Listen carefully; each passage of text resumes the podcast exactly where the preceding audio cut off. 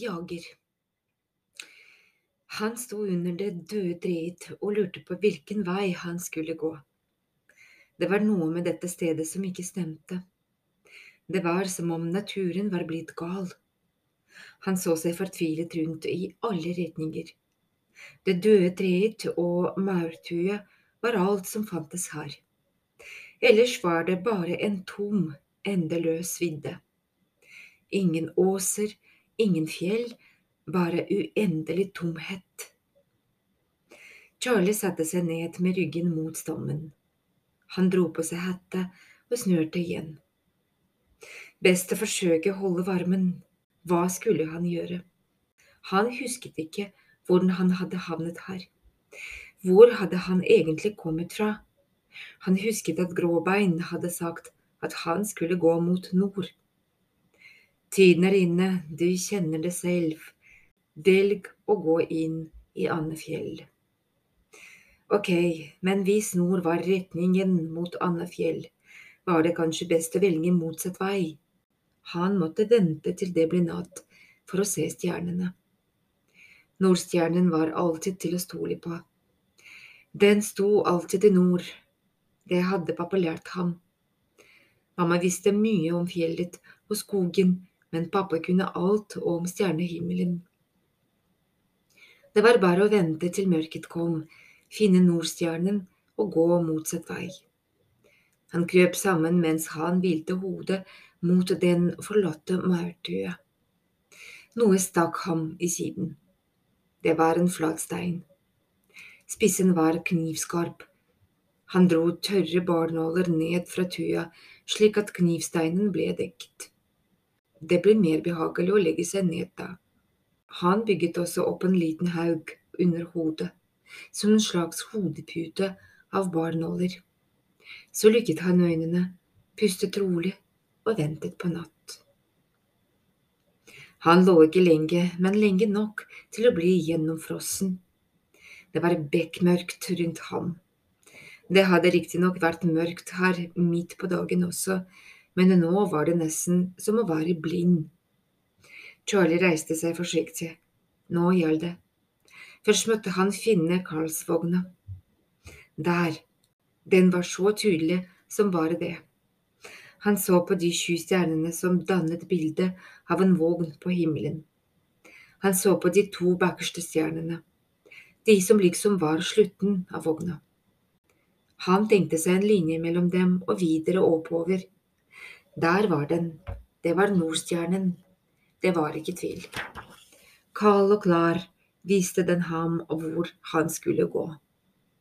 Charlie mumlet for seg selv i mørket. Jeg stoler på deg, Nordstjerne. Du har vist vei for sjøfolk i tusener av år. Charlie måtte smile. Det var pappa som hadde sagt det en gang de var på vei hjem fra naboen, og det var blitt mørkt. Pappa hadde latt som de måtte navigere etter stjernene for å finne huset sitt, som bare lå hundre meter unna. Jeg stoler på deg, Nordstjerne, sa han til seg selv, men jeg har ikke tenkt å sette kursen mot deg. Jeg vil ikke til kulden, jeg vil til en varm hytte, jeg vil finne en brus i kjøleskapet, ta meg noen knekkebrød, slenge meg i sofaen og kanskje se litt på TV. Charlie begynte å gå mot det han håpet var sør, men stanset brått. Var det ikke noe som rørte seg der ute i mørket? Jo, noe var det. Han ble stående helt stille. Han stirret for å forsøke å forstå hva det kunne være. En skygge beveget seg langt der borte. Nei, det var to, han hukket seg ned så ingen skulle kunne se ham.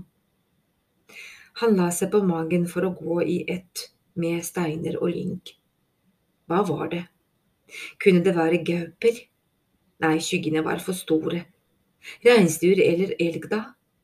Nei, skyggene beveget seg på en annen måte. Nå hørte han det. Det lød dyp knurring i natta. Det var ingenting å lure på lenger. Der ute i mørket jaget de to enøyde hundene. Gråbein hadde jo sagt hva de to jaktet på. De jaktet på barn som ham selv. Hjertet til Charlie dunket så høyt at han var redd de skulle høre det. Han presset hendene mot brystet for å dempe lyden. Det var kaldt, men Charlie svettet likevel. Kunne de kjenne lukten av ham? Han krøp forsiktig bakover mot treet i maurtua. Han klemte seg inn mot stammen. Han hadde lyst til å lukke øynene, men han måtte se. Hundene var tydeligere nå. Den ene krysset fram og tilbake med snuten mot bakken, mens den andre hele tiden stoppet og luttet ut i natta. Charlie la seg inn mot tuet for å gå i ett med den. Lyden av den tørre kvisten som knakk under ham, var så høy at han et øyeblikk trodde det var et skudd. Charlie holdt pusten. Begge hundene stanset og stirret mot reet med hvert sitt øye. Et lite sekund sto de helt stille, og så begynte de å løpe rett mot ham. De var jegere, og Charlie butte. Gråbein hadde sagt at de kunne lukte tristhet. Vel, han var ikke trist, ikke nå. Han var redd. Ja, men mest var han sint. Sint på disse forferdelige jegerne som bortførte skyldige barn. Det var ingen steder å rømme, men han ville ikke la seg føre til Andefjell uten kamp. Han famlet rundt seg i mørket for å finne et eller annet å forsvare seg med. Igjen kjente han den harde kanten i siden. Det var ikke akkurat som å ha et gevær, men steinen var skarp. Det fikk holde. Han tok tak i den med begge hender og prøvde å få den løs. Plutselig begynte hele maurtuet å bevege seg. Tue delte seg i to og gled til side, som om han hadde trykket på et knapp som åpnet en heisdør. Han stirret ned i hullet. Han kunne skimte greiner under bakken og kjente, et, og kjente en sterk lukt av furu. Han så på igjen, og nå var det bare sekunder før ene og øde hadde ham. Han tok tak i den nærmeste greina og svingte seg ned i hullet. Greinet sveiet. Han stakk seg på et eller annet, det var barnåler. Jo, dette var en furugrein, han satt rett og slett på en grein under jorda. Han klamret seg fast for ikke å falle nedover mens han kikket oppover seg. Han hørte pusten fra de enøyde hundene der oppe.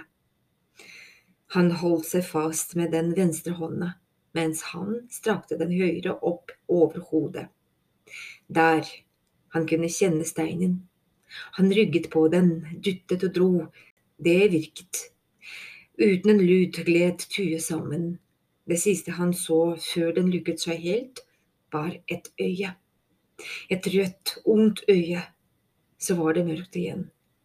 Han kunne høre knurring og krafsing fra hundene over seg, men så var det som om de ga opp og forsvant. Charlie klamret seg til greina og prøvde å finne ut hvor han var. Han kjente vind i ansiktet. Fortsatt var det mørkt, men ikke det samme mørket som på drømmeheien. Her han nå satt, var det lysere natt. Langt der nede kunne han se et tak, og der et til. Han holdt enda hardere fast da han forsto hvor høyt oppe han var. Han dro seg forsiktig innover greiene til han fikk tak rundt selve stammen. Det kjørte stryggere med en gang. Han kunne se et vann, et tornekratt og en liten gressbakke. Charlie Furutoppen ante ikke at du òg kunne fly. Det var glans. Ravnen landet på greiene der han selv nettopp hadde sittet. Jeg kan ikke det, begynte Charlie, men brå stoppet. Han hadde mer enn nok med å holde seg fast og å ikke se ned. Nei, du virker ikke særlig avslappet der du sitter. Charlie holdt så hardt og treet at han kjente han fikk krampe i hendene. Han forsøkte å si noe, men var så redd at det eneste han fikk fram, var arr, arr. Det var Charlie som hørtes ut som en ravn nå. Glans flyttet seg helt inn mot ham. Jeg sier som du sa til meg, da jeg ikke kunne fly. Kom igjen, du kan fly. Du er nede på noen sekunder. Jeg tør ikke, hvisket Charlie. Tenk om det ikke virker. Glad det virket forrige gang, sa ravnen. Da må du klare. Jeg loser deg ned, men vær stille, de andre sover. Først nå la han merke til at det satt ravner på hver eneste grein. Charlie klatret forsiktig nedover furet mellom svarte, sovende fugler, mens Glans forklarte hvilket bein han skulle flytte, og hvor han skulle gripe. Charlie turte ikke puste før han kjente bakken under beinet. Ark, sa han. Han mente å si takk, men han var så skjelven at det bare ble sånn. Akkurat da hørte de det, begge to. Bjeffing og knurring fra skogen bak hyttene. Det var hunder som nærmet seg. Ene og Øde hadde funnet en vei ned til dem. Charlie ble liggende og lytte lenge. Nei, heldigvis ingen knurring her. Så støl han var i armene. I drømmen hadde han klamret seg til et tre, og det kjente han fortsatt, her han lå. Han hadde kommet seg ut av et mareritt bare for å havne i et nytt, og han hadde snakket med glans om hva han kunne klare i drømmen. Han hadde altså visst at han drømte i drømmen, det hadde han aldri opplevd før. Charlie kikket klokka på mobilen, halv to. Han måtte prøve å sovne igjen. Han gruet seg til i morgen. Han sendte en melding til Ode, selv om det var midt på natta. Vandreren? Kul tittel. Nysgjerrig. Charlie visste jo at hun sov, men følte seg likevel litt mindre alene da han skrev til henne. Hun ville jo lese den i morgen. Han var så sikker på at hun sov, at han skvatt da svaret kom med en eneste gang. Sover du aldri? Sjekk linken. Natta. Og så fulgte det en link. Hun lå så våken. Et eller annet sted der ute i byen lå Ode i senga si uten å få sove. Kanskje hadde hun blitt liggende og se film. Kanskje var hun lei seg eller redd.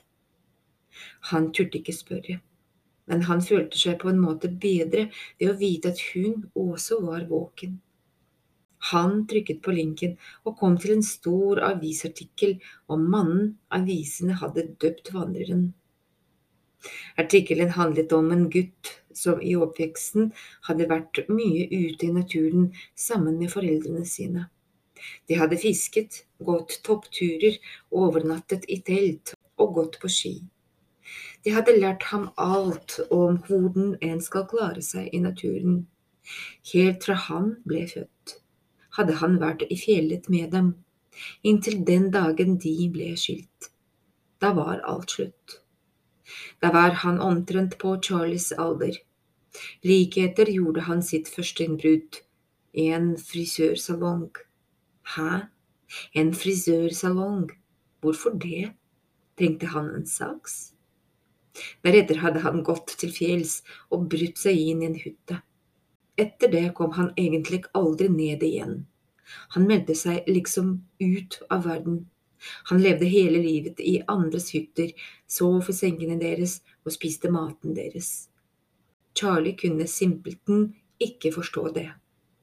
Det var som om den artikkelen beskrev hans egne drømmer, men vandreren var død. Hvordan kunne det ha seg at han drømte at han var en død mann han aldri hadde hørt om?